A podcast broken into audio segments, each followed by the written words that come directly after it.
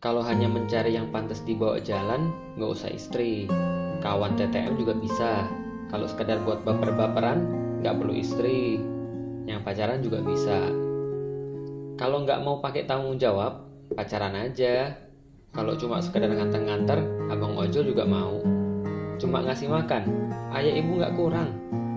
Kalau cuma bikin scene mesran deso, udah kalah start sama film India bikin scene romantis ala milenial, drakor udah duluan. Hidup kita nggak ada buat drama. Apalagi cuma nyari nikmat badan, wedian.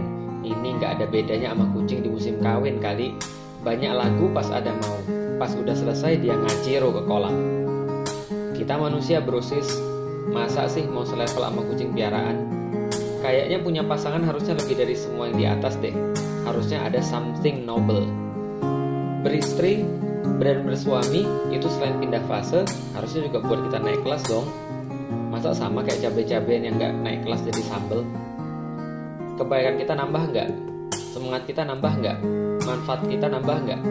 Saat kita nambah nggak? Istri kita eh, nggak nggak nggak nggak jadi. Lah kalau semua yang kita lakukan itu nggak ada beda dengan yang belum nikah itu standar banget.